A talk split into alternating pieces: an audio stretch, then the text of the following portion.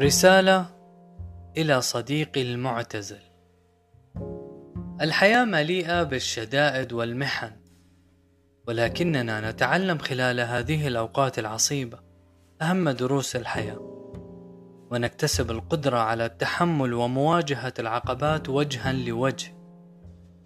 وقد تمنحك هذه الأوقات العصيبة فرصة للعثور على حل خفي يساعدك على تخطي هذه العقبة كما تخطيت سابقاتها. يقول الشافعي: لا يمكن أحد حتى يبتلى، فقد ابتلي الرسل عليهم السلام فلما صبروا مكنهم الله. ويقول نابليون هيل أيضا: تحمل كل محنة في طياتها بذرة ذات فائدة تساويها أو تفوقها تأثيرا.